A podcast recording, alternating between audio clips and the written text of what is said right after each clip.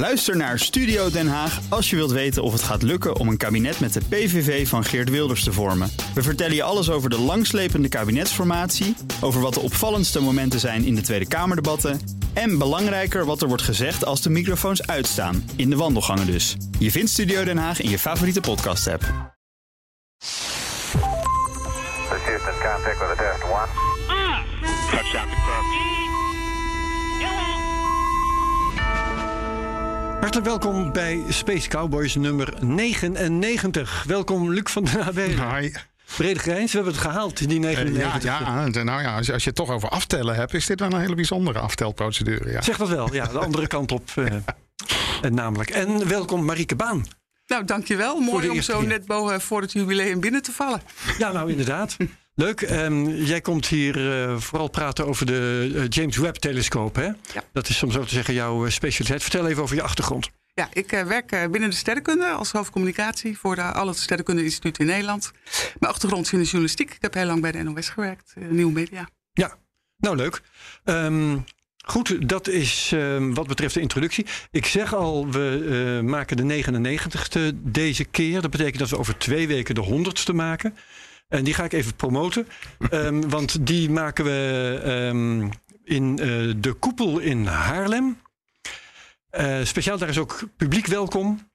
Eh, Dus iedereen die ehm, daarbij wil zijn, die kan zich vervoegen op ons Twitter-account of op bnr.nl, de pagina van Space Cowboys. Daar kun je je inschrijven.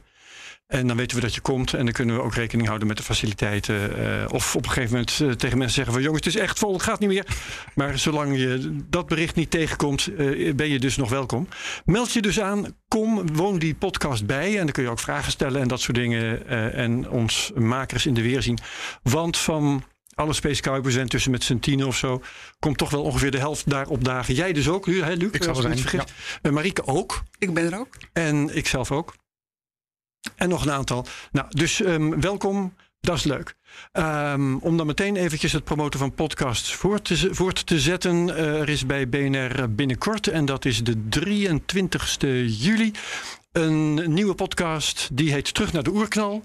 Die wordt gemaakt door Govert Schilling en BNR-collega Conor Klerks. Ehm, ja, en die gaat over eh, astronomie, eh, de oerknal en alles wat eh, daar tussenin zit. Wat daar relevant voor is. Voldoende Vier over te vertellen. afleveringen. lijkt me. Ja. Ja, ja, ja. En dat doet Govert altijd heel bekwaam en aantrekkelijk. Ehm, dus beluister die podcast. Ook weer aanmoediging. En Marieke, eh, in jouw omgeving is ook een sterkende podcast in de maak. Vertel. Ja, wij hebben hem eh, vorige maand gelanceerd. En eh, de titel van deze podcast is De Kosmos van Pannenkoek. Wie is Pannenkoek, is jouw vraag. Anton Pannenkoek. Anton Pannenkoek, Ja. kijk, een kenner. Weet dat toevallig. ja. Eh, Anton Pannenkoek is een hele beroemde communist, begin eh, vorige eeuw. En die heeft ook het Sterrenkundig Instituut in Amsterdam opgericht. En hoe dat kan en hoe, eh, hoe zijn leven, zeg maar, als Je communist... bedoelt hoe een communist in vredesnaam een instituut Ja. kan oprichten. dat was ooit waarschijnlijk een heel probleem. Hij is weggestuurd ooit in Leiden, want dan zou hij directeur worden. Maar dat is, heeft de regering weten te voorkomen. Want de communist in Leiden als directeur, dat kon niet. Nee, kunnen we niet hebben. Nee. En toen dacht de gemeente Universiteit Amsterdam, die werd natuurlijk anders gefinancierd, niet direct door het Rijk, die dacht van nou, kom dan maar hierheen. Dus eh, zo is het eh, begonnen. En dat levensverhaal is eh, heel bijzonder. We hebben in de archieven eh, hele mooie dingen gevonden. Eh, glasplaten, fotoboeken en verslagen, dagboeken. Een deel van die dagboekcollectie gaat nu ook naar het uh, Allard Pierson, die de, de, zeg maar het erfgoed beheert van de Universiteit van Amsterdam. En eh, nou, titel nog een keer De Kosmos van Pannenkoek. Vijf afleveringen, overal te Ja. Dus google dat of ga gewoon in Spotify en dergelijke eh, daar Precies. Nou, die termen intoetsen. rode, rode sterren. Ja, dat is dan toch de connectie eh, daarin, denk ik. Ja. Ja, ja, ja. ja. Ehm, goed. Laten we eens even kijken wat we verder voor stof hebben. Luc, wat heb jij voor deze aflevering van Space Cowboy? Ehm, NASA en eh, de maan zijn twee, eh, twee missies in voorbereiding waar alle, alle twee iets over te vertellen is. Capstone en Viper. Verder, ik kan het gejuich nauwelijks onderdrukken. Dimitri Rogozin is niet langer directeur van Roscosmos. en verder staat eh, eh, het Chinese ruimtestation Tiangong op het punt om uitgebreid te worden met een grote nieuwe module. Prachtig. Nou, dat is interessant. Marieke, ehm, jij komt voor de webtelescoop. Ja, dat is toch wel het nieuws geweest van eh, vorige week. Om veel nieuws. redenen, wetenschappelijke Niet redenen. eh, Ook als communicatieonderwerp is het heel interessant. Uh, Ja. Twitter er maar op na. En, en, en hoe heet het ook weer? Eh, hemelmechanisch. Ja, baantechnisch is het ook. Baantechnisch eh, zeker. Ja, dat is, En daar is heel veel over te vertellen. Dus eh, ja, gaan we zo direct doen. Ja. Even kijken wat ik daar nog aan toe kan voegen. Ehm eventjes bladeren naar het juiste plekje. Oh ja. Ehm, commercie- een commerciële satelliet die naar Mars gaat afreizen. Daar is een plan voor gepubliceerd. Ehm, ruimtetoerisme gaat nu ook in China op geld doen. En heb ik dan nog meer? Die capstone die jij noemde, die had ik ook, Luc. Ehm, oh ja, en de, Vega, de Europese Vega-raket. Waarschijnlijk ook wel interessant om even over te hebben. Ja, ik denk dat jij daar ook wat nodig over weet, Luc. Eh, ja, een beetje. En verder eh, is ook inderdaad Ariane 6 in, eh, in voorbereiding. En is er een, eh, een motor eh, eh, eh, zo ongeveer uit elkaar geknald in eh, de ehm, booster nummer 7 van, eh, van SpaceX. Dus Ah, nou, we weten niet of we er allemaal nog aan toe komen. Maar eh, we hebben voldoende zaken om over te praten. We kijken gewoon hoe ver we komen. En jij had ook nog een nieuwtje, Marieke. ja, ik was eh, net eh, op Over. Ariane 6 en ehm, Oh, wacht, dat nieuwtje. dat nieuwtje. Ja. Vertel. Eh, nou, eh, jullie hebben het eerder gehad over de ExoMars. Hè? Die missie moest uitgesteld worden omdat de Soyuz niet meer beschikbaar was wegens de Oekraïne-oorlog. Eh, en omdat dat venster, lanceervenster natuurlijk beperkt is. Maar er is nog best een grote ESA-missie. die ook op het Soyuz zou gaan. En dat is Euclid. Die zou oorspronkelijk dit jaar gaan, maar dat was al uitgesteld naar voorjaar eh, 2023. En die is ook weer uitgesteld. En er is nu sprake van dat hij op een Ariane 6 gelanceerd wordt. Maar die raket bestaat volgens mij nog helemaal niet. Ja, hij, Heeft hij bestaat wel, maar gevlogen. hij heeft nog nooit gevlogen. Nee. En ja, zo, eh, eh, zo'n prestigieuze missie, een missie wil je natuurlijk ook niet eh, op de eerste of de tweede eh, vlucht zetten. Dus ja, benieuwd wat, eh, wat daar gaat, eh, gaat gebeuren. Ja, en weet jij of ze ook met Elon Musk aan het praten zijn? Is, is mij niet bekend, maar het zou me niet verbazen. En het lijkt me bijzonder verstandig om de markt letterlijk te verkennen. Want eh, Om maar ja, gewoon op een Falcon te zetten. precies. Ja. Ja. Dus dat is eh, de, de, jouw veronderstelling. Jij, of jij hebt daar eh, geruchten over gehoord? Wat Nou, daar hoorde ik iemand over praten vorige week. Dat er, eh, Iemand met status. iemand met Ik weet niet hoe duidelijk je hierover kunt zijn. Nee, ja, nee, dat is wandelgangen. Wandelgangen. Wa- wa- wandelgangen Ja, informatie. nou ja, weer interessant. Maar het leek me interessant voor eh, jou om er misschien... eh, Ja, en daar gaan we, gaan we eens in duiken. En daar komen we zeker een volgende keer op terug. Ja, oké. Nou, Luc, jouw eerste bijdrage. Ja, ehm, NASA is ehm, eh, langzaam aan het beginnen met het Artemis-project. zeg maar de grote opvolger van eh, Apollo. Met het doel om weer eh, Amerikaanse en trouwens ook internationale astronauten eh, weer op de maan te gaan eh, laten landen. Ehm, nou, Artemis-missie eh, is eh, eh, enorm gekoppeld aan SLS, de grote, eh, bekende, zeer vertraagde, eh, du- te duur geworden raket. Die ook maar niet eh, van het platform af wil komen. Alhoewel we eh, misschien kunnen hopen dat het toch eh, eind van deze zomer gaat, gaat gebeuren. In voorbereiding op het, eh, op het geheel ehm, heeft NASA een aantal eh, eh, missies om ehm, eh, onder andere te gaan kijken naar water op de Zuidpool, maar ook ehm, eh, navigatie- en communicatieprojecten. Nou, de eerste Zuidpool daarvan. van de maan, hè? dan even voor de goede orde. Ja, ja, ja, precies. Onderdeel, en, en best een omstreden onderdeel van Artemis, is de Gateway. Zeg maar een klein ruimtestation wat in een, in een permanente, langgerekte baan om de maan gaat vliegen. Om zeg maar ja, als tussenpost eh, eh, te, gaan, eh, te gaan dienen voor die bemenste landingen. Ehm, nou, veel discussie over, want in principe heb je hem knalhard nodig. Nee, zeggen sommigen. Nee, nee. Aan de andere kant, eh, veel internationale samenwerking. eh, eh, belangrijkste delen van de drukcabines worden notabene hier in Europa gebouwd. En het zou makkelijker worden om die SLS dan wat te doen te geven. Heb ja, precies. En bovendien, als ISS straks ophoudt, hebben we toch nog steeds een klein internationaal ruimtestationnetje. Wat dan wel, weliswaar niet permanent voorzien zal zijn van, van astronauten, maar toch. Nou, ehm, zoals gezegd, dat ding komt in een, eh, in een bijzondere baan om, eh, om de maan eh, te zitten. Niet eh, zeg maar zoals we dat met veel satellieten eh, ehm, bij de aarde doen, zeg maar een kringetje rondom de evenaar eh, vliegend. Want dat zou betekenen dat je de helft van de tijd geen contact met het station kan, kan hebben. Oh, ja. Vandaar dat eh, het ding, gezien vanaf de aarde, als het ware in een soort grote ellips rondom de maan gaat, eh, gaat draaien, waardoor die continu zichtbaar is. Een Vanaf, verticaal eh, staande ellips, zal ik maar even zeggen, Precies. gemakshalve. Ja, Ja. inderdaad. Nou, om die baan te testen is er nu een, eh, een heel klein eh, eh, satellietje ehm, gelanceerd.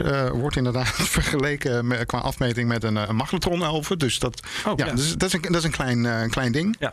Ehm, die is, ehm, als ik het goed heb, 28 juni gelanceerd. Ja, inderdaad, door een eh, Electron eh, rocket van, van, van Rocket Lab. Nou, ook zo'n zo'n kleine start-up die je eigenlijk inmiddels al geen start-up meer kan, eh, kan noemen. Want eh, Electron vliegt zeer regelmatig en gelukkig de laatste tijd ook totaal eh, probleemloos.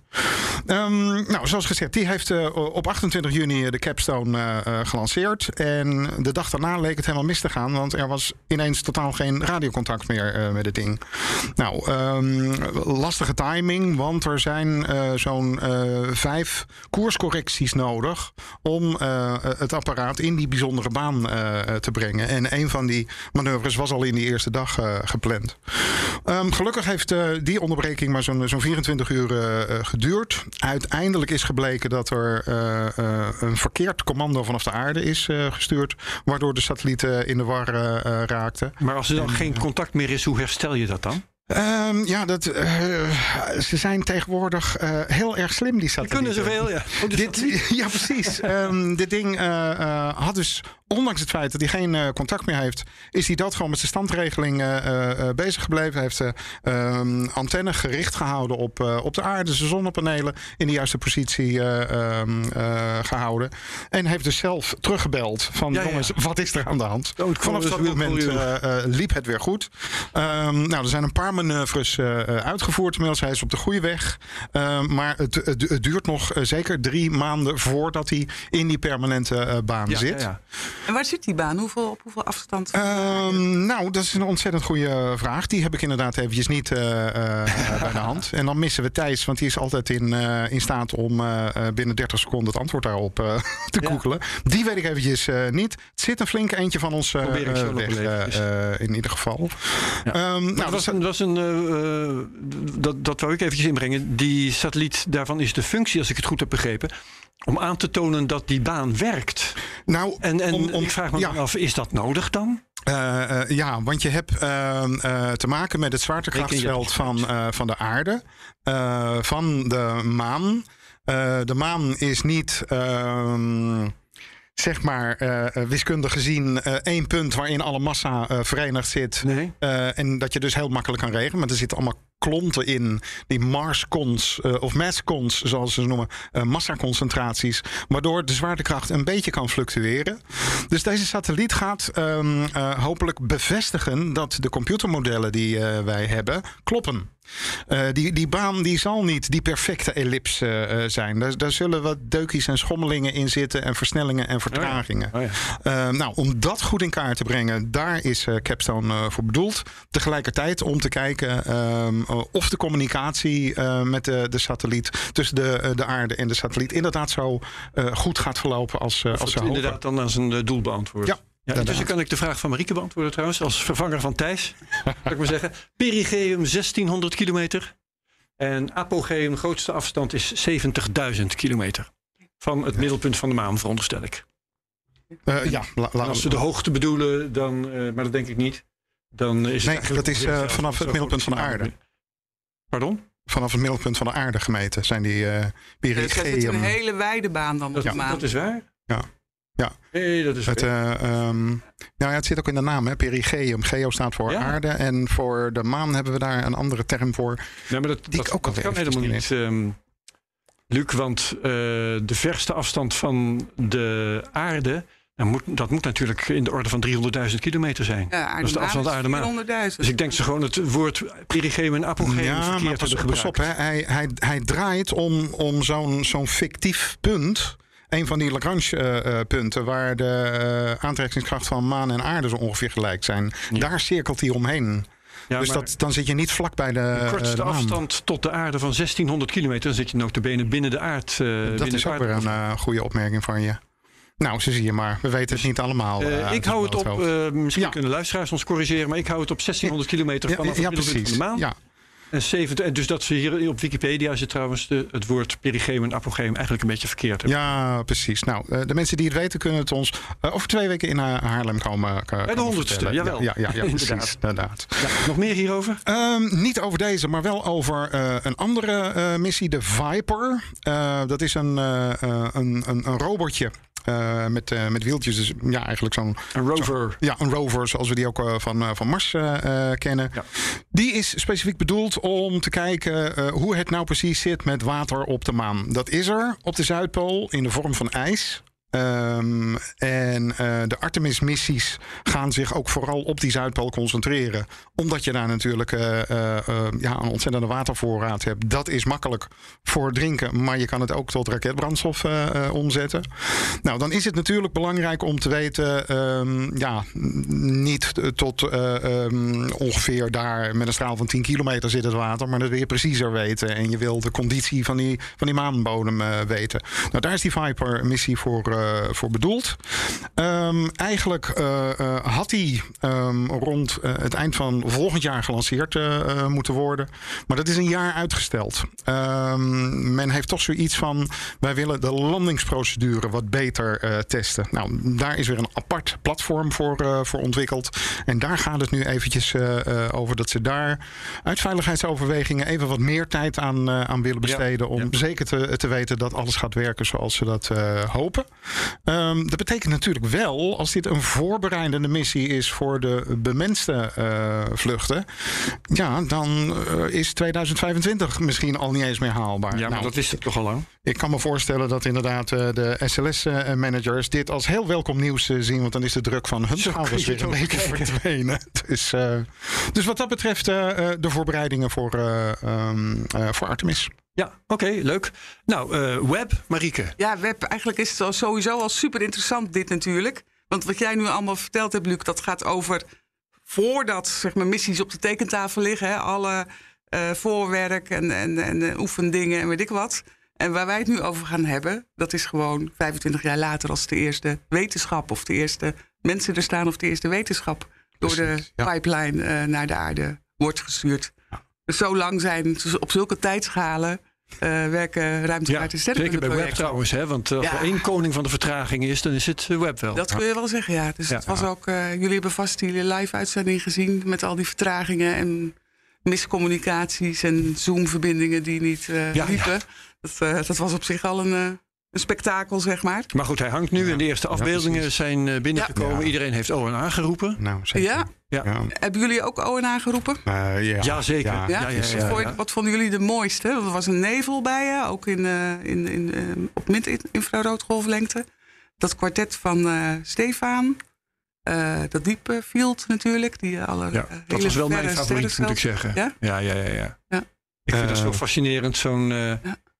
eh, Als je echt zo'n geweldige kluit sterrenstelsels Ja. ziet... en je probeert je voor te stellen dat elk daarvan Ja. eh, te vergelijken is met ons melkwegstelsel... Met zijn eh, honderdduizenden sterren. Ja. En nou ja, goed, tel, tel maar op. Eh, Dan denk je van, vanaf hoeveel plekken staren de beschavingen ons aan, weet je wel? Ja, ik bedoel, we Ja. hebben honderden miljarden sterren in, in de Melkweg. Ja. En er zijn Ja. gewoon ook honderden miljarden sterren. Ja, Stel- nou ja, Ar- Arthur C. Clarke eh, heeft daar eens over gezegd: van er zijn maar twee mogelijkheden. Ja. Eh, of we zijn alleen, Ja, of het wemelt van het leven. En alle twee de ideeën zijn even angstaanjagend. Ja, en tot, tot, tot nu toe zijn we nog niet heel veel verder gekomen in, die, in die ontdekkingsreis. Ik vond zelf trouwens de Carina-nevel. Dat stuk waar die hele felle eh, sterren zeg maar, op die stofwolken schijnen. Waar je Ja, ook al dat- al die sterren Dat is ziet. ook mijn, En mijn, mijn Waar favoriet. gewoon Dat complete nieuwe ja. zonnestelsels worden geboren. schitterend, klopt. En het mooie was ook dat alle eh sterrenkundigen die, die bij die presentaties waren, die zaten meteen te wijzen naar allemaal bogen en dingen. En ze konden het helemaal niet thuisbrengen. Dus Ja, ja. daar, is, daar zit zoveel nieuwe informatie in. Ja, nieuwe vragen natuurlijk. Ja, ja, ja. Ja. En ik was in Boerhaven, waar, eh, waar er een eh, publieksevenement was. En waar we smiddags eh heel veel journalisten ook eh, hebben ontvangen. Met Eline van Dishoek uit eh, Leiden. Zij is al heel lang eh, betrokken Ja. natuurlijk bij Web. En met eh, Anna de Graaf. Zij is echt een extra galactische sterrenkundige.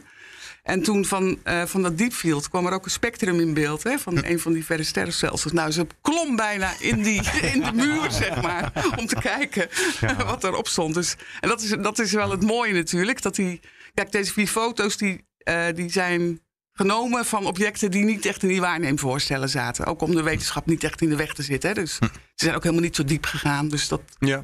Dat diepfield wordt nog veel en veel dieper. Ja. Ehm, maar deze data was ook meteen. Nou, de eerste dag waren die JPEGs beschikbaar natuurlijk, maar daar kun je geen wetenschap mee doen. De dag daarna waren echt alle wetenschappelijke data van die vier objecten beschikbaar. En de dag daarna de data van de onderzoeksgroepen.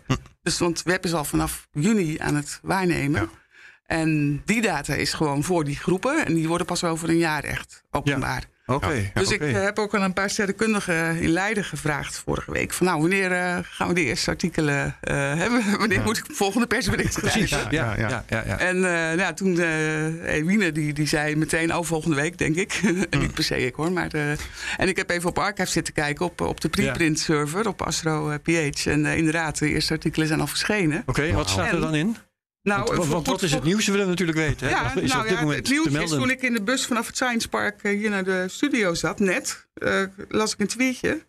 Eh, web 20 juli is dit trouwens, ja, Ja. dat we dit opnemen. Dus dat is acht dagen na de, het vrij, zeven dagen na het vrijgeven van de data.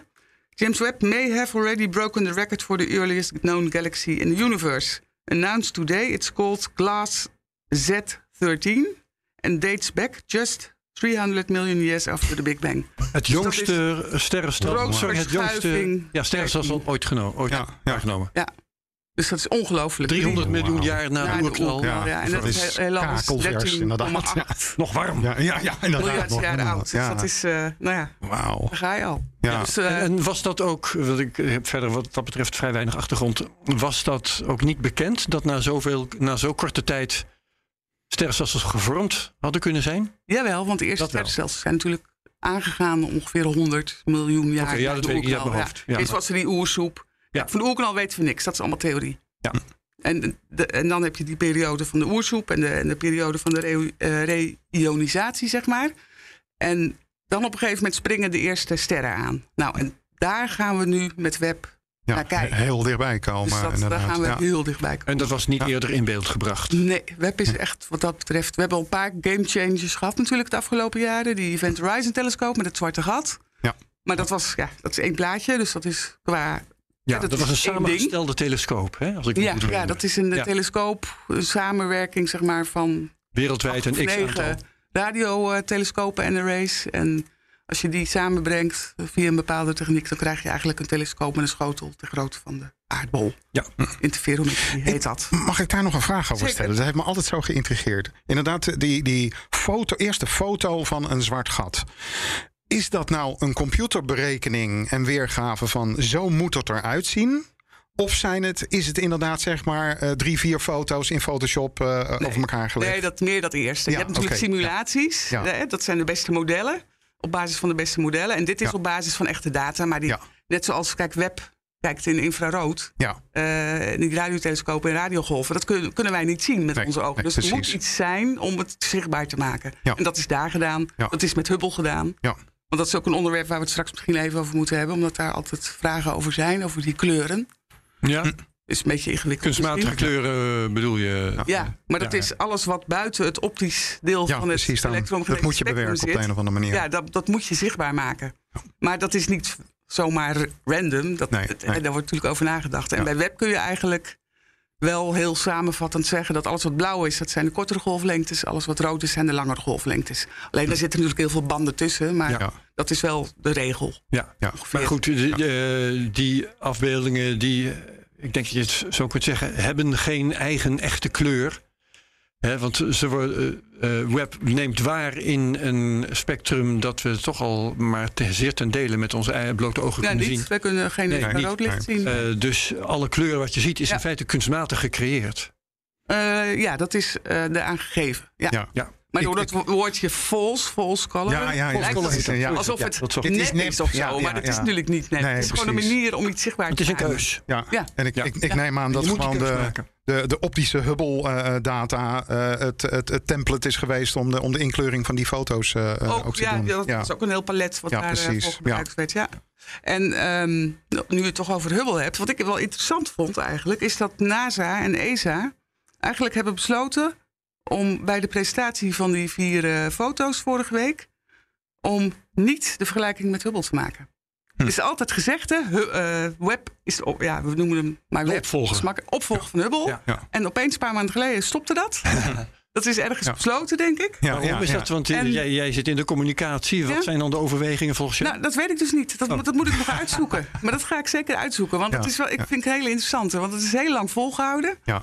En het is natuurlijk, eh, ja, het is ook wel een ruimtetelescoop. En hij gaat natuurlijk ook een hoop dezelfde dingen doen als eh, Hubble. Maar hij gaat ook hele andere dingen doen. Ja, Kijkt het is natuurlijk ook ballast. Hè? Het is eh, big shoes to fill, zal ik maar zeggen. Ja, ja. Ja. Maar goed, die vergelijkingen met Hubble, die kwamen natuurlijk gewoon standtepeden op, op Twitter Ja, en overal eh, Ja, werden die ja. gemaakt. En die zijn wel degelijk Zeker als je met zulke mooie plaatjes komt. Ja. Ja, het zich op. Ja, maar het kan gewoon zijn dat ze hebben gezegd: ja, het hoeft niet. Hè? Die, die Nee. Webb-telescoop doet zulke spectaculaire Ja, dingen. precies. En, En- zulke nieuwe wetenschap. Hoezo weer dat ze gaan vergelijken met Hubble? Die doet het Ja, ook en nog. het is gebaseerd op een, andere, op een andere techniek. Ja, op, op Dus, een paar eh, jaren actief. En die had ook hele mooie Ja. plaatjes. Wat ik wel Eh, interessant... Ja, sorry, heb je nog meer... Nee hoor, nou ja, je haalde adem voor eh, nog een zin. Dus. Oh ja, ik lul wel door. Nou, dat ga ik je toe in staat stellen. Want ehm, wat ik even wilde bespreken was... eh, begin juni is eh, die web getroffen door een micrometeoriet. Ja. Eh, dat leverde een zichtbaar gat op. Ja. Ehm, daar is toen wat aandacht voor geweest. Ehm, het is nader onderzocht. Het, ik vond het eh, vandaag ook weer op space.com, omdat er een nieuw rapport eh, Ja. over is. Dat was dermate lang en uitgebreid. Het had alleen nog twee pagina's met auteurs, volgens mij. dat ik eh, daar verder niet doorheen ben gekomen. aangepakt in ieder geval. Ehm, maar de essentie was wel, want het artikel op space.com heb ik wel gelezen. Ehm, het blijkt geen eh, doorslaggevend probleem te zijn. Het ding kan gewoon functioneren. Ze hebben wat aanpassingen kunnen maken. Maar, goed, ehm, wat, wat, wat kun jij ons vertellen over eh, die gebeurtenis en de gevolgen daarvan? nou, niet zo heel veel meer dan wat jij nu al mooi hebt samengevat. Oké. Eh, er waren wel vorige week, want we hebben ook nog publieksevenementen gedaan en een grote Ja. show in Omniversum, Planetarium gegeven met Eline van Nishoek. En er waren, zijn wel veel vragen over van, eh, is zo'n ruimtetelescoop nou niet heel gevoelig voor alle eh ruimte eh, schroot, zeg maar. hè? De- de ja, space debris. Ja. En eh, nee dus, want eh, die telescoop zit op anderhalf miljoen kilometer in, ook in Lagrange punt 2. Ja. Eh, en Waar daar, het nog schoon is. ja, daar is Ja. die, die, Ja. die satelliet puinzooi, die zweeft daar niet. Nee. Maar er zijn natuurlijk wel gewoon Ja. natuurlijke... Kosmische stof. eh, en, eh, ja, dat- zo'n dat was niet waarschijnlijk zo. Is Ja, dat zo'n ja, heel ja. klein... Dat hoeft maar een zandkorreltje bij wijze van spreken te zijn, Ja. of iets groter. Dan krijg je al een krater. En die zitten daar natuurlijk wel. En ik schrok me ook rot toen ik dat hoorde. Maar Ja. er was weinig paniek. Wat ik van weet is, ja, dat we, we, kunnen, we hebben daar geen last van in de Nou, ik lees wel dat, want, want er eh, is meer geweest dan deze ene. Ik geloof dat er al zes incidenten zijn geweest. Ehm, eh, en dus dat eh, het aantal van dit soort gebeurtenissen al meer is dan wat ze hadden verwacht. Dat, die indruk heb ik ook. Ja. Ik had ook niet gedacht dat het zo snel Nee, al- nee, ik had zoiets van, oh, nu al? Ja. Eh, ja, ja. Ja. dat, eh, dat, maar goed, er is kennelijk ook zelfs gewoon in het ontwerp rekening mee, eh, mee gehouden dat dit dus zou, zou gebeuren. Ja. En als ik het goed begrijp, is dus, nou ja, je, je kan het je bijna niet voorstellen. Inderdaad, een zandkorreltje die tegen een spiegel aan tikt. Maar dat hebben ze dus kunnen waarnemen in de stand van de spiegel. En als ik het goed heb begrepen, hebben ze die zelfs al ietsje bijgesteld.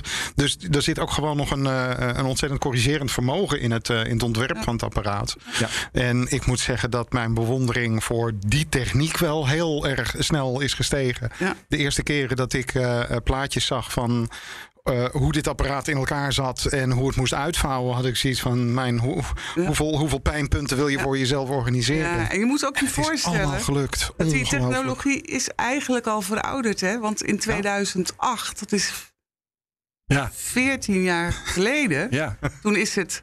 eh, er zitten vier instrumenten op web. Hè? En eentje is echt Europees, eentje is Europees-Amerikaans. En daar is, zijn Engeland en Nederland de grootste bouwers van. Dus MIRI. Ja. Dus het hart, de, de mid-infrarood spect, eh, spectroscoop, spectrometer, die is in Nederland gebouwd zelfs. Hm.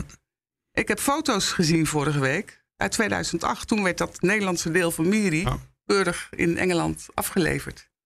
En ik geloof dat het in 2012 naar Amerika is Ja. bescheept en daar geïntegreerd is. Ja. Dus die jaar. technologie is eigenlijk al verouderd en toch krijgen we dit ja, dan ja. Ja. eruit? Het is Ja. onvoorstelbaar. Ja, weet je, Voyager, de Voyager zondes werken ook nog steeds. Sinds eh, 1979 of zo. Ja. Ja. Dus eh, oké, Nou, wat ja, nou ik, eh, ik hoop dat we de komende drie decennia eh, kunnen genieten van eh, de opvolger van Hubble. Ja. inderdaad. Want dit, mijn hemel, als we dit nu al eh, te pakken Ja. hebben, wat gaat er dan nog komen? Ja, Dat, heel, eh, heel diep. En ik ben ook heel benieuwd wat er aan de, atmosfeermetingen van exoplaneten, wat daar eh, gevonden gaat worden. Wat ik, dan, wat ik jou nog wel wilde voorleggen, dat is dan wel weer leuk. ehm, om toch even wat azijn te pissen, zal ik maar zeggen. Ehm, ik, eh, wat, mij, wat mij opviel in de, de eh, publiciteit hieromheen. Dat was dat weer dat verhaal werd afge- afgedraaid van... nou, ja, dan gaan we weer dingen leren over hoe het, eh, hoe het heelal is ontstaan en zo. En dat is een riedel, die kom je altijd weer tegen. Ehm, dat zul je ook, ik zie je ook al lachen. Dat, dus ik sla de spijker op, op de kop volgens mij.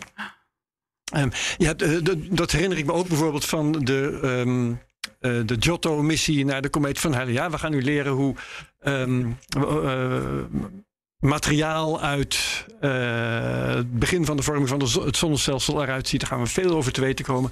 En toen er geschept werd door de Japanse en die andere missie op aster- asteroïden. Ja, eh, Osiris dankjewel. Rex, ja. Inderdaad. Ja, ja, eh, Oké, ja. materiaal uit het begin van de vorming van het zonnestelsel. En dan denk ik, gaan we ook nog eens een keertje horen eh, wat dat dan, eh, hoe dat dan zit. Ja, En elke keer weer is het verhaal, we gaan er meer over leren. Ja. Maar ehm, we, we, we, we weten het nooit. ja. Gek genoeg. En het is ook wel een beetje zo dat hoe meer, hoeveel, eh, hoe meer zeg maar, gewenste antwoorden er gezocht worden, hoe meer nieuwe vragen eruit Ja, komen. ja, natuurlijk. Ik, ik, weet, is- ik weet het antwoord ook wel. Maar en iedereen ja, ja, vindt het ja. toch mega interessant. Ja. En ja, eh, er wordt natuurlijk tegenwoordig heel veel eh, gehamerd op, op eh, maatschappelijke relevantie. Hè? En dingen die je doet en Ja. waar je geld aan uitgeeft. Dat Blijft moeilijk bij dit soort nut. Ja. Nou ja, ik denk dan van ja, ze gewoon, eh, hoe, hoe heeft dat, hoeveel heeft het ding gekost? 2 miljard of zo? Ja. Ja. Nou, eh, er heeft toch een hele space industry en allemaal technologiebedrijven hebben daar toch eh, jarenlang goede boterham aan het geld is verdiend. wel en- uitgegeven. Vind ik, ook, ja. vind is, eh, maatschappelijk ja. ook wel relevant. Ja, ja, precies. Ja, en bo- bovendien, het bevredigt gewoon de meest menselijke aandrift. En dat is nieuwsgierigheid. Ja. Het heet ook wetenschap. We willen weten. Het is lekker om dingen te weten. Ja, zo ervaar ik dat eh, Ja. eh, in ieder geval. En misschien dat we door stapeling van eeuwenlang eh, wetenschappelijke data... we ooit tot begrijpen eh, gaan komen. Nou, ik vind dat je dat Ja. mooi zegt. En het is ook wel zo dat heel veel technologiebedrijven, dat zal in de, in de ruimtevaart ook zo zijn, eh, die ontwikkelen dingen vaak voor de wetenschap, ook voor de sterrenkunde, waar, ze, waar eigenlijk nog helemaal geen markt voor is. Nee. Dus die ontwikkelen mee, vragen daar heel weinig geld voor eigenlijk. En als het dan klaar is, dan gaan ze het pas echt vermarkten. Ja, Dus het, precies. het heeft wel, eh, heeft in die zin wel degelijk groot Ja, maatschappelijk nut. vooral ook Ja, ja. omdat een hele hoop van die Ja. technieken eh, uitstekend in, eh, in andere branches toepasbaar blijken te zijn. Maar ik vind ook de verwondering en inderdaad weten waar we Ja, vandaan komen, waar naartoe gaan. Ik ja. vind dat een hele legitieme reden Ja, om dit soort onderzoek te doen. Hoeven, hoeven uitleggen. En je kan ook kijken, bijvoorbeeld die eerste foto van het zwarte gat. Hè, dat was een vaag raar plaatje. Ja. En ik weet nog dat eh, eh, ESO en, ehm, en de EAT... die hadden daarna berekend dat dat plaatje 4,5 miljard views had gehad. Ja, 4,5, sorry. 4,5 miljard mensen hadden dat plaatje gezien. dat is ongeveer de halve aardbevolking. Dat is ongeveer de halve Ja. aardbol. Eh, ik kreeg een mailtje doorgestuurd vandaag van een Klaus Pontipidam. In Leiden gepromoveerd. Nova promovendus. En eh, dat was de co-lead van, van die eerste science release van, eh, van Web. En die zei dat ze hadden berekend dat deze eh, plaatjes inmiddels 117 miljard impressions hadden. Dat kan helemaal niet. Nou, mensen kijken gewoon tien keer. Ja, ja, ja, ja, precies. Ja. Dus dat zegt natuurlijk ook wel iets. Hè? Je kan wel zeggen, ja. Het wordt door de strot geduwd, want alle eh, media geven er heel veel aandacht aan. Maar mensen vinden het echt allemaal Ja. geweldig. Nou ja, ik en vond dat het is ook wat wij terugkrijgen hoor. heel bijzonder om in eh, de supermarkt het krantenrekje te zien staan. En het stond potdikkie op drie voorpagina's in Ik heb daar niet voor mij een foto van genomen. Dat vind ik dan toch weer Ja, dat- teleurstellend. Dat is dan weer de schoonheid van de tijdelijkheid van dingen. Ja. Ik was met, het, eh, met de tweede foto van uh, ZJ Star, van het zwarte gat in onze eigen melkweg, was, eh, heb ik dat ook gedaan. Ja. Ik ook naar de winkel Ja, gegaan. ja. Maar toen stond het maar op eh, één voorpagina. Ja. Ja. Ook een beetje. Ik wil naar een volgend onderwerp. Anders dan komen we er nooit doorheen. Namelijk de, de VGC-raket. ja, Europese raket is op 13 juni vanuit Frans-Guyana gelanceerd. Ehm, is, eh, acht, eh, heeft 800, kilometer, sorry, 800 kilo meer liftvermogen dan zijn voorganger. En is eh, belangrijk als eigen Europese capability om dingen omhoog te brengen. Dus het is Ja. ook wel fijn dat je niet voor alles afhankelijk bent van nou ja, bijvoorbeeld Elon Musk. Of Eh, precies. andere partij. Dat- Laat staan de Russen. Dat is waar Ariane eh, uitgeboren is. Hoewel we Eh, tegenwoordig ook bij Indiërs en Japan, Japanners terecht Ja, kunnen. Hè? Dus ja. er is wat dat betreft ook Ja, maar je concurrentie genoeg. Maar Je, je weet, je weet nooit met wie je nog eens ruzie krijgt in de toekomst. Nou, Dat, dat is waar. recente geschiedenis toont het maar aan. Ja, dus jij zegt ook, Luc, als persoon die meer van raketten weet dan ik eigenlijk, dat zo'n VGC best wel belangrijk is.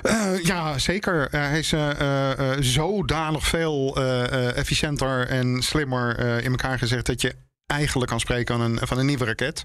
Eh, aan elk onderdeel is wel iets eh, eh, gesleuteld. Ik geloof dat inderdaad alleen de derde trap nog redelijk wat lijkt op die van de, van de originele. Verder de eerste, tweede trap en neuskegel zijn eigenlijk van een, van een nieuw ontwerp. Bovendien, de eerste trap van VKC is eigenlijk de booster voor Ariane 6. Eh, Dus Wat dat eh, betreft hebben we- hergebruikt of moet je juist zeggen... Nee, het is eigenlijk gewoon standaard, standaard module. Eh, Oké. Bij wijze van spreken zou je kunnen zeggen van... eh, je maakt die dingen aan de lopende band en je zegt van... nou, dan gaan er vier naar VKC en dan gaan er acht naar eh, Ariane 6. Dat, dat is een standaardisatie Dat die natuurlijk ook weer kosten drukt. Ja. En dat is eigenlijk een van de, eh, eh, van de zaken die ehm, nog de rechtvaardiging voor Ariane 6 is. Want eh, ja, Ariane 6 is natuurlijk al heel lang in, in ontwikkeling. En de, Dus de tijdens die ontwikkeling... Ja, Ben is, ik dan te negatief? nou ja, het is. eh, ehm, hij is eigenlijk nu al achterhaald. Ja, hij is goedkoper en efficiënter. En ik geloof maar ook niet herbruikbaar. En niet herbruikbaar. En dat is nou juist de, de, eh, de, grote, de grote makke met eh, de route die Europa tot nu toe heeft gekozen. Ehm, Ariane 5 eh, vliegt al sinds de jaren 80. eh 30 jaar eh, carrière. Daar gaat Ariane 6 niet, eh, niet meemaken. Dat wordt in mijn optiek een, een tussenpaus. Ja. Eh, want eh, Europa is al enorm hard bezig om, eh, om te proberen om ook richting herbruikbaarheid Ja, te maar zo'n gaan. VGC lees ik ook niks over herbruikbaar. Is die ook niet? Nee, het is wat dat betreft een, een, een hele simpele raket. Het zijn gewoon drie, drie trappen op vaste brandstof. Dus het zijn een soort voetzoekers. Nadeel daarvan is inderdaad, als je zo'n ding eenmaal aanzet, kan je hem niet meer uitzetten. Nee, en ja, nou ja, goed, daar hebben we inderdaad wel eens spijt van gehad bij, bij eerdere eh Vega-lanceringen. Maar deze is, eh, is prima verlopen. Ehm, wat dat betreft zeggen ze ook van ja, modificaties die we hebben gedaan zijn gebaseerd op een systeem wat we heel goed kennen. Dus het zou ons verbazen als daar iets, eh, iets misgaat. Nou, dat is helemaal, eh, helemaal goed verlopen. En ehm, ja, het is geen. Eh, eh, raket waarmee je eh, communicatiesatellieten in de geostationaire baan kan, kan brengen. Maar juist wel eentje voor kleinere spullen. En dat is toch een ontzettende tendens aan het worden in, in gewoon de lanceermarkt van, van het afgelopen decennium. Kleine satellietjes die bedrijven in universiteiten in staat stellen hun satelliet ter grootte van een melkpakje snel de ruimte in te krijgen. Want simpele raket eh, eh, kan van alles in. Je hoeft geen drie jaar te wachten eh, voordat je je spullen kan, Nee, precies, kan want als je mee wil met een Ariane, dan ben je een van de vele passagiers en is het allemaal een stuk ingewikkelder. Ja, ja, inderdaad. Dus nee, een, in ieder geval een, een, een belangrijke. Want nou, zoals gezegd, er is Europa veel aan gelegen om een onafhankelijke lanceer. Eh, capaciteit eh, eh, te hebben. Zoals ik zei, daar is Ariane uit, uit ontstaan in de jaren En wordt 70. deze, deze Vega dan ook geëxploiteerd door Ariane Spas? Ja, ja, inderdaad. Het is, hij is dus inderdaad ook totaal gebonden aan de lanceerbasis in, in Kourou. Ja, Ja. ja. zeker. Oké, helder. Nou, dan is dat daarmee wel neergezet. Wat is jouw volgende Ja. onderwerp, Luc? Ehm Rogozin is niet langer baas van Roscosmos. Oh. ja, en dat vond jij Ehm, fijn. Ja, ja, ja precies. Ehm, eh, nou, zoals ik dat dus verteld heb, eh, eh, ben ik betrokken bij, geweest bij het leveren van emblemen voor ehm, eh, bemenste missies van Roscosmos. Ja. Ehm, ja, daar heb ik me van gedistanceerd. Niet alleen omdat je geen geld meer heen en weer kan sturen.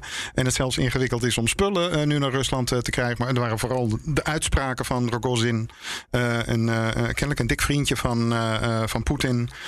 Eh, die is zo agressief tekeer gegaan dat ik zoiets had van daar weer. Continu bezig dreigementen te uiten over de gang van zaken in het, ISS. is, eh, eh, ja, ja, inderdaad. En eh, nou ja, zijn, ehm, zijn meest ehm, eh, recente dreigement was van wij gaan niets meer doen met de ERA, de Europese robotarm. Die notabene hier in Nederland is eh, gebouwd. Toen, toen nog door Fokker Ja. Space. en pasta ehm, is eh, gebracht.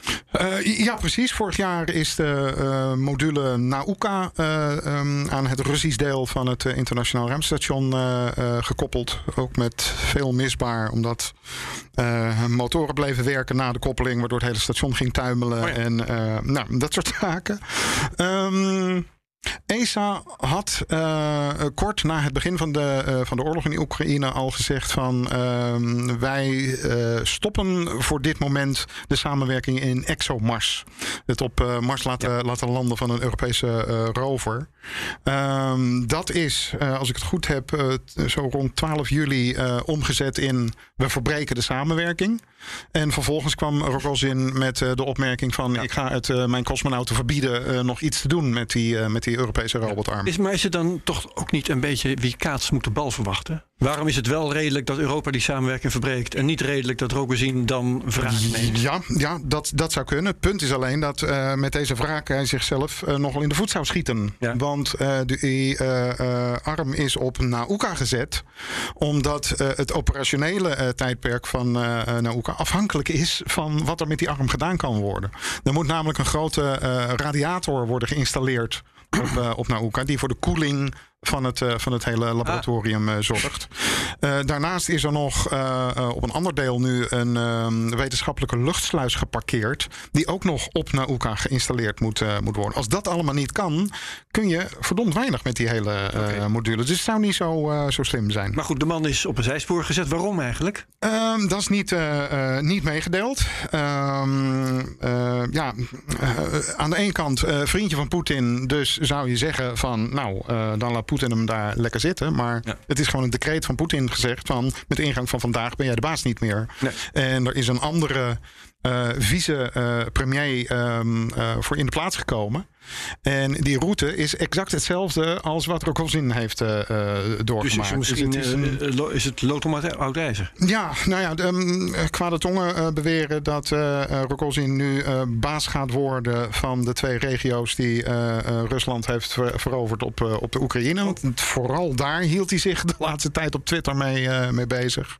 Nou ja, dan hebben we natuurlijk ook dat geintje nog gehad eh, aan boord van ISS, het Russische deel, waar twee cosmonauten met eh, de vlaggen van die twee bevrijde republieken in eh, Oekraïne eh, eh, bezig waren. Waar de NASA weer boos over was. Ja, precies. Daar heeft zelfs uiteindelijk NASA eh, eh, in de media aandacht aan, eh, aan besteed. Ehm, nou ja, als je nu naar de laatste foto's van het Russisch deel kijkt aan de binnenkant, het is ook een en al rode sterren en propaganda en zo. Dus ik, ik ben heel erg benieuwd naar wat de sfeer is aan boord van het station. Ja, ja. Ehm, het is een tijd eh, nog verrassend lang goed gebleven, maar dat begint Ja. nu toch wel eh, aan. Inderdaad. Dat, eh, eh, eh, wat ik altijd heb begrepen is dat tot voor kort de sfeer was van ja, wat er op aarde gebeurt en wat onze bazen zeggen, dat interesseert ons allemaal niet zo, zoveel. Punt is natuurlijk wel van in hoeverre was het gedoe met die vlaggen een opdracht van. Rogozin. Ja, en in hoeverre kunnen ze dat weigeren? Precies. Dus ehm, wat dat betreft ben ik heel erg benieuwd naar de nieuwe man die, die de baas is. Ehm, En of er iets verandert? Ja, precies. Nou ja, eh, deze, eh, dus de nieuwe eh, directeur, ehm Yuri Borisov, ehm, eh, is wel ehm, iemand met een militaire achtergrond. Nou ja, die verschuiving was al wel aangekondigd dat Roscosmos zich vooral met nationale veiligheid zou gaan, zou gaan bezighouden. Ehm, in ieder geval het dreigement van ERA gebruiken we niet meer. Ehm, dat wordt niet uitgevoerd. Ehm, op dit moment, as we speak, eh, op 20 juli eh, zijn eh, ehm, twee astronauten bezig zich voor te bereiden op een ruimtewandeling die op de 21 juli gepland staat. Europese astronauten doet daar ja, aan mee, die trouwens in een Russisch ruimtepak die ruimtewandeling gaat uitvoeren. Dus dat is gegeven de omstandigheden best. En waarom is dat? Ehm, omdat het in principe een Russische ruimtewandeling is. En ja, dan is het makkelijker om alle, alle twee gebruik te maken van zo'n, zo'nzelfde pak. Het is, het is wel eens eerder gebeurd, helemaal in het begin van, eh, van de samenwerking. Maar die ruimtewandeling gaat ERA verder voorbereiden op Ja. eh, eh, wat het operationeel allemaal moet, moet gaan doen. Dus wat dat betreft gelukkig goed nieuws. Grappige toeval. Is het toeval, kun je je dan afvragen. Op de dag dat eh Rogozin de Laan werd uitgestuurd, maakte NASA bekend dat ze eh, een nieuwe overeenkomst hebben getekend om astronauten en cosmonauten uit te wisselen tussen eh Soyuz en de Dragon. Dus gaat eind van deze zomer een vrouwelijke cosmonaut mee met, met een Dragon. En gaat in eind september ook een, een NASA-astronaut alsnog de lucht in met, een, met een Soyuz. Nou, Zie je dat dan weer als nieuwe toenadering? Of is dit heel Ehm, normaal? in Nou ja, het is waar, waar, Russisch-Amerikaanse verhoudingen. ja, het, het is waar, eh, eh, waar NASA eh, eh, de nadruk op legt, is van het is slim om dit te doen. Eh, omdat je nooit weet welk toestel nog eens een keertje door problemen kan uitvallen. Eh, medische ehm, eh, noodgevallen die een snelle terugkeer eh, eh, vereisen. En dan is het handig om gewoon over twee schepen te kunnen eh, beschikken. Ehm, nou ja, op, op Twitter eh, eh, zijn er best kritische geluiden geweest. Die zeggen van NASA, zijn jullie knettergek? Blijven jullie met deze mensen dealen? En inderdaad, het wordt heel stilletjes aangekondigd. En er wordt, er wordt weinig aandacht aan, aan besteed. Dus Het lijkt er een beetje op dat NASA behoorlijk met de hele toestand in, in, in de maag zit. Dus ehm, Ja. we zullen zien wat het vervolg brengt. Oké. Had jij nog meer onderwerpen eigenlijk, Marika? Eh, nou, nee, eigenlijk Nee, niet. ik Nee, even voor de zekerheid. Voor- Ik eh, Ja. zie ook inderdaad in mijn overzicht dat uh, zie ik geen nieuwe dingen voor jou. Maar dan Nee. eh, bemoei je ermee eh, zoveel als je kunt. Maar ehm, ga ik even verder met mijn volgende onderwerp. Dat is eh, commerciële initiatieven eh, als het gaat om Marsreizen. Eh, die zijn er genoeg natuurlijk, hè, want we kennen Elon Musk. Ehm, maar eh, Relativity Space, dat is dat bedrijf dat eh, raket, eh, hoe heet het, rompen, omhullingen, fuselages in het Engels, maar de romp van, van een raket en motoren eh, 3D print. Ja, Dus we kennen ze wat dat betreft al. Ehm, heeft een plan gemaakt samen met, ehm eventjes kijken, Impulse Space. Eh, dus eh, Relativity gaat een raket leveren. Impulse Space gaat een eh, vehicle, een Mars Cruise Vehicle leveren. En ze hebben een plan gepresenteerd dat op 200, dat in 2024 moet ik zeggen, moet leiden tot een landing op Mars. Ja. Nou, er worden wel meer plannen gemaakt. Allemaal ja, is ja, betrekkelijk makkelijk. ja. Eh, wat, hoe, wat maak jij hiervan, Luc? Geloof jij dit? Ehm, nou ja, eh, ambitieus en eh, eh, een, een commerciële uitdaging, dat, eh, dat is het zeker. Ehm, nou ja, het zijn twee bedrijven die ehm, nog niks ergens hebben laten landen. Laat staan op, eh, op Mars. Nee. En ik vind ook niks over waar het geld vandaan komt. Laat staan hoe Nee. ze, eh, als ze dan commerciële bedrijven zijn, hoe ze winst eh, denken te gaan Ja. maken. Ja, precies. Nou ja, dat, dat is natuurlijk eh, eh, sowieso voor mij het grote vraagteken achter, achter alles wat met, eh, ehm, met wetenschap en verkenning van, van de ruimte op commerciële basis eh, eh, te maken heeft. Ehm, eh, Wat je snapt is Elon Musk met SpaceX. Je maakt raketten. Ja. daar, je gaat diensten verlenen aan NASA en wat die allemaal willen en waar hun geld vandaan komt. Ja, dat is een heel ander verhaal. Maar dan laat je je betalen door NASA en dan kun je winst opmaken. Dat is te begrijpen. ja, precies. Maar zelf expedities organiseren als commercieel bedrijf eh, is moeilijk te begrijpen. Ja, precies. Nou ja, goed. Er, er is dus een impuls gegeven om eh, bijvoorbeeld eh, naar de maan zonder mensen vrachtdiensten op te zetten. Kan ook. Daar zijn er nu een paar. Nou, waar we het eerder deze uitzending over, over hadden, daar maakt NASA gebruik van. Ehm, maar het is je zo ontzettend moeilijk voor te stellen welke klanten er naast NASA dan zijn. Welk bedrijf Ja. wil nu iets op de maan neer, eh, Nou ja, neerzetten? dan ga je denken aan mijnbouw of iets dergelijks. Maar dat is natuurlijk Ja. ook allemaal onbewezen qua Absoluut. verdienmodel. Dan zijn we nog. India? nog ja, China? Wat bedoel je ermee? Nou, jij zei wie zou iets op de maan willen zetten? Er zijn Oh, natuurlijk meer ja. landen Ja. dan Amerika. Ja. Ja, nee, als, dat- als, als vrachtbedrijf. Ja. Dat, Ja. Zeker, ja. ja. Dus dan, dan heb je het over de wetenschappelijke of misschien de prestige-initiatieven die die landen ontplooien. Daar kun je geld aan verdienen. Dat wel, precies. Nou ja, en dan, zou je zelfs inderdaad nog eh, eh, kunnen zeggen eh, van nou, stel je voor dat er nog iets gemaakt moet worden in, in de ruimte. dan kan je daar een klein lab- laboratorium ophangen. En als er astronauten naartoe moeten, dan kan je daar diensten voor kopen. De maan, mm, ja, misschien wel, als je daar nog eens wat van delfstoffen vandaan kan halen. Maar een commerciële dienst naar Mars. Daar kan ik me toch inderdaad weinig revenue bij, eh, eh, bij, bij voorstellen. Kijk, de, de prestige is natuurlijk eh, zeker. Als, als, als het dit lukt in 2024, ja, dan kan je wel een hele grote Amerikaanse vlag uitsteken als, als bedrijf, denk ik. Maar ja, dat moet ik dan toch inderdaad nog maar zien. Ja. En, Als je, ehm, als je kunt demonstreren dat je dit kunt, dan kun je Ja. misschien dat dan weer als dienst leveren aan NASA en daar geld aan verdienen. ja, ja, wordt- is NASA op een gegeven moment alleen nog maar een, eh, een soort eh Een- een- reisbureau. Ja, ja, ja een, een, een beheerder van. Nou, ja, die, die stemmen die gaan al, al steeds vaker op. Hè. Eh, ehm, eh, zeker ook naar aanleiding van, eh, van SLS.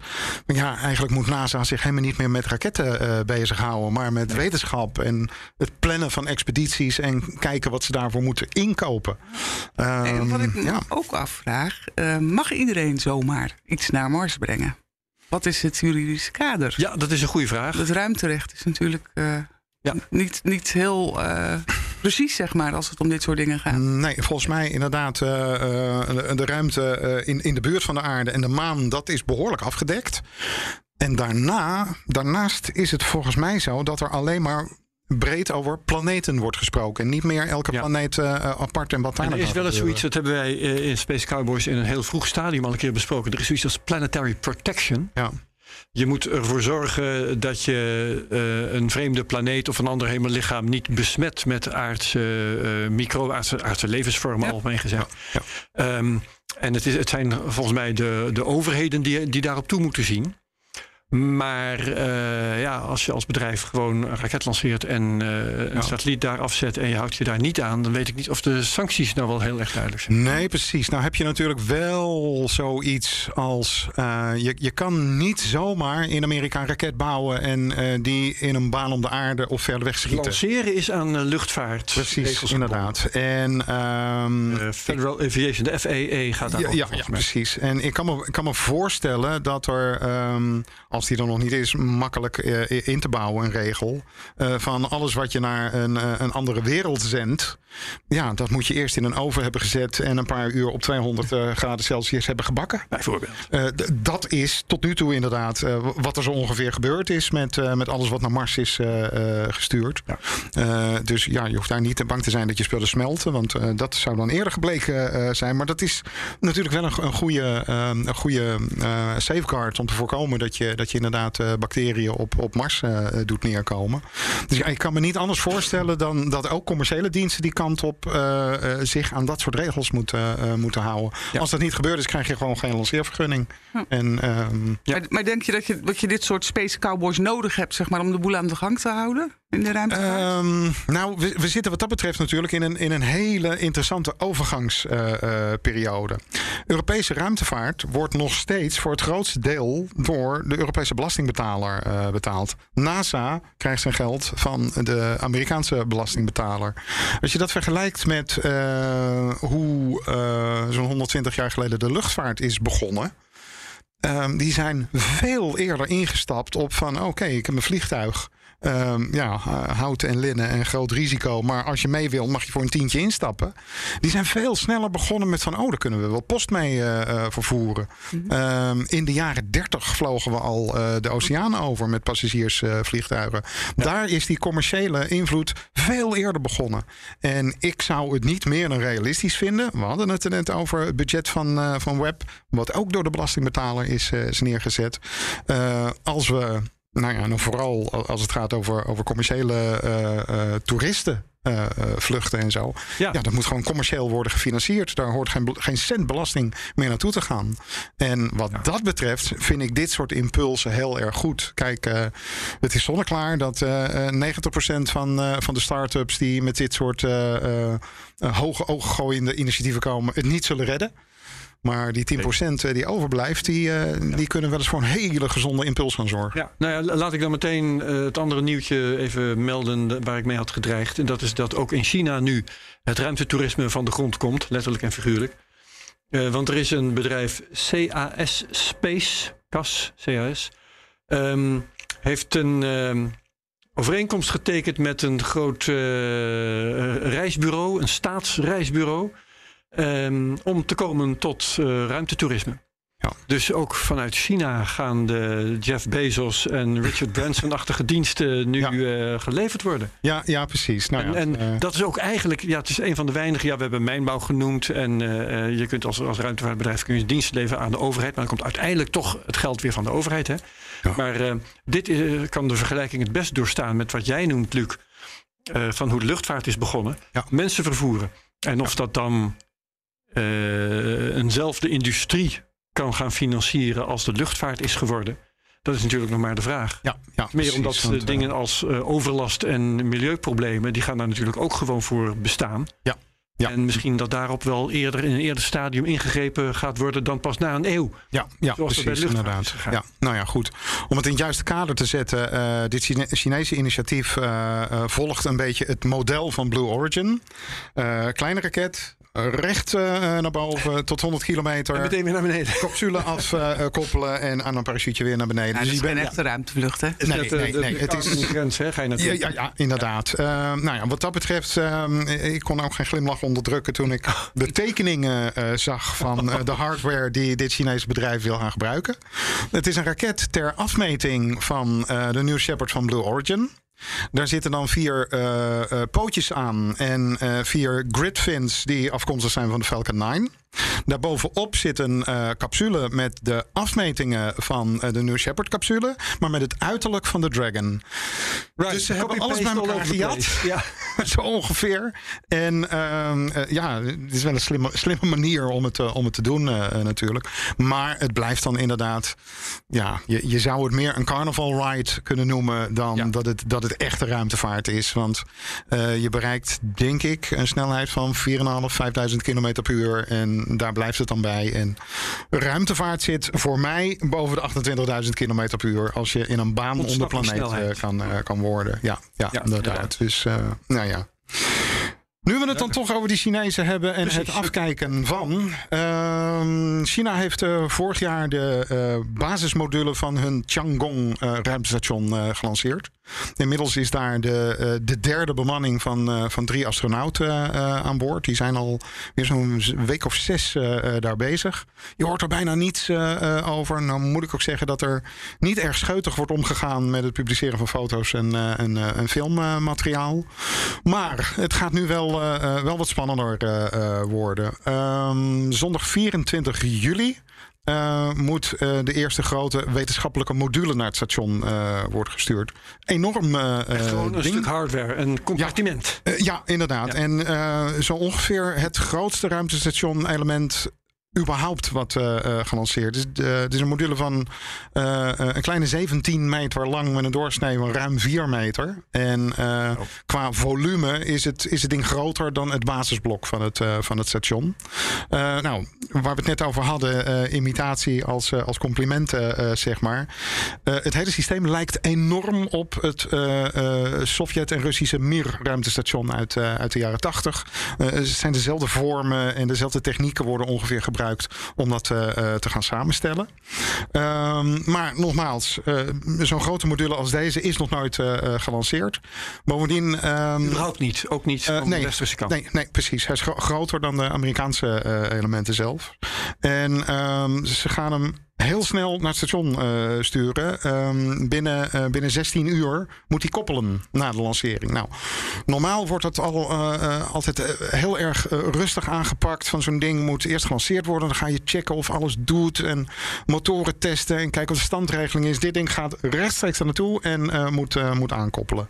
Nou, dan volgen ze dus inderdaad dat, dat Russische procedé.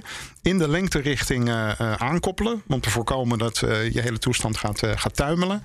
En vervolgens moet hij eh, met nog niet helemaal duidelijk eh, hoe dat werkt, eh, eh, eh, robotarmpjes naar een eh, koppelingsopening aan de zijkant eh, eh, worden gezet. Nou, dat zijn eh, behoorlijk eh, eh, intensieve operaties. En eh, het interessante is dat dezezelfde bemanning dat nog een keertje gaat eh, meemaken later deze zomer. Als de tweede module eh, eh, gelanceerd gaat worden. Nou, het, ehm, ehm, deze module eh, heet Wentian en eh, gaat zich eh, richten op, op life sciences. Eh, er zijn al ehm, ehm, zeg maar eh, lessen voor scholen. eh, die staan al in de kalender. Op welke dag ze die vanuit deze module gaan, eh, eh, gaan verzorgen. En eh, deze module be- bevat dan ook nog een, eh, een extra luchtsluis waarmee eh, de astronauten ruimtewandelingen kunnen, eh, kunnen gaan Ja. doen. Eh, en ook nog een paar eh, kajuiten, privé eh, eh, cabines. Dus het station gaat heel snel, eh, snel groeien. Um, ja, hier kan je dan inderdaad ook weer de vraag eh, eh, stellen die, die jij ook eh, in het begin van de uitzending had van ja, eh, we komen nog meer te weten over en wat gebeurt er Ja. dan? Hier is ook het recept van ja, we gaan ons richten op wat er allemaal met het menselijk lichaam Ja, gebeurt ja. in gewichtsloosheid. De wetenschappelijke publicaties vanuit het ISS... die hebben nooit echt de toetsen van de kritiek kunnen doorstaan. Nee, hè? nee, precies. En ja, wat dat betreft kan je afvragen van... jongens, we doen al, al, al 50 jaar bemande Ja. Weten En- we het dan nu nog niet? Precies. En als we dan- Kunnen we nou eindelijk naar Mars nu? Ja, En als er dan zo weinig informatie over bekend is, hè, dat ze zo weinig over Ja. communiceren, maar wel het lespakket voor de scholen. Ja, ja, ja, precies. Nou ja, kijk, misschien is dat inderdaad ook wel eh, juist de, to- de toetssteen. Eh, China is aan bemenste ruimtevaart gaan doen om prestige. Ja. Eh, gewoon het oude eh, adagio uit de jaren 60. Kijk eens wat wij, eh, wat wij kunnen. Dus het is enorm veel en kennelijk tot nu toe vooral voor binnenlandse consumptie opgezette PR. Alhoewel het wel zo is dat er in die module ehm, wetenschap zit waar zelfs Nederlandse eh, ehm, universiteiten en bedrijven mee te maken hebben. En China heeft gezegd van kom maar. Eh, als jij ervoor zorgt dat je je ruimteschip kan koppelen aan onze systemen, is prima. Of we nemen je aan boord van eh, een van onze schepen eh, mee. Dus ze staan wel open voor internationale samenwerking. En ze zien natuurlijk ook heel erg het gat wat straks onherroepelijk gaat vallen als ISS daar niet meer is. Dus heel interessant om te kijken hoe, hoe die verhoudingen zich gaan ontwikkelen de komende tijd. En hoe, hoe volg je dat soort projecten? Gaat dat vooral via Twitter of heb jij je eigen bronnen in? nee, geen ei- eigen bronnen. Dat, eh, het is eh knetter gesloten eh, allemaal. Maar ehm, eh, Twitter doet veel. Ehm, ehm, eh, er, er lijkt nu een officieel eh, Chinees eh, account die over het ruimtestation eh twittert eh, te zijn. En dan heb je de Chinese eh, Twitter, eh, Weibo, waar ik een paar accounts eh, volg. En dat is tegenwoordig heel makkelijk, want je zet gewoon aan vertaal in Engels en eh, je, krijgt alles, Ja, ja, ja, eh, je krijgt alles mee. Dus eh, wat dat betreft, eh, eh, ja, hadden we dit maar in de jaren zestig eh, gehad Maar met het Rusland. blijft eh, hoofdzakelijk, als ik zo hoor, ehm, informatie uit officiële bron. Ja, ja, precies. Dat, eh, het is ontzettend moeilijk om eh, eh, ergens een, een, een vinger tussen te krijgen. Eh, ehm, zelfs de, de mensen die veel twitteren. uit China, die lijken dan af en toe een maand te verdwijnen. Dan wordt er niets gepubliceerd en dan zijn ze er ineens weer. Sites die een jaar stil zijn. Dus het is, eh, ehm, ja, eh, wat dat betreft blijft het een gesloten eh, wereld. Het is, weer, het is weer net zo eh, um, gesloten en moeilijk om tussen te komen als de Sovjet-Unie was in de jaren tachtig. Het is een déjà vu van hier tot Tokio. Van hier, nou, van hier tot Beijing dan. Ja, ja. Heel goed. Nou, ehm, volgens mij zijn we er doorheen. Het uur is ook vol. Dus tenzij, ik kijk even de kring rond, iemand nog iets dringends te melden heeft. Nee, schudt iedereen. Dan dank ik Marieke Baan. Ik dank Luc van den Abelen. Mijn naam is Herbert Blankenstein. Dit was Space Cowboys nummer 99. Meld je aan voor de 100ste. En eh, eh, moedig ons aan daar in eh, Haarlem straks op 3 augustus. Vind ons wat dat betreft op Space Cowboys Pod op Twitter en op bnr.nl. Daar kun je ons ook vinden. Ehm, Google anders gewoon Space Cowboys en de honderdste en de koepel. En dan vind je dat allemaal vanzelf. Dus heel graag tot over twee weken bij Space Cowboys nummer 100. En wat ons betreft hier in de studio bedankt en dag.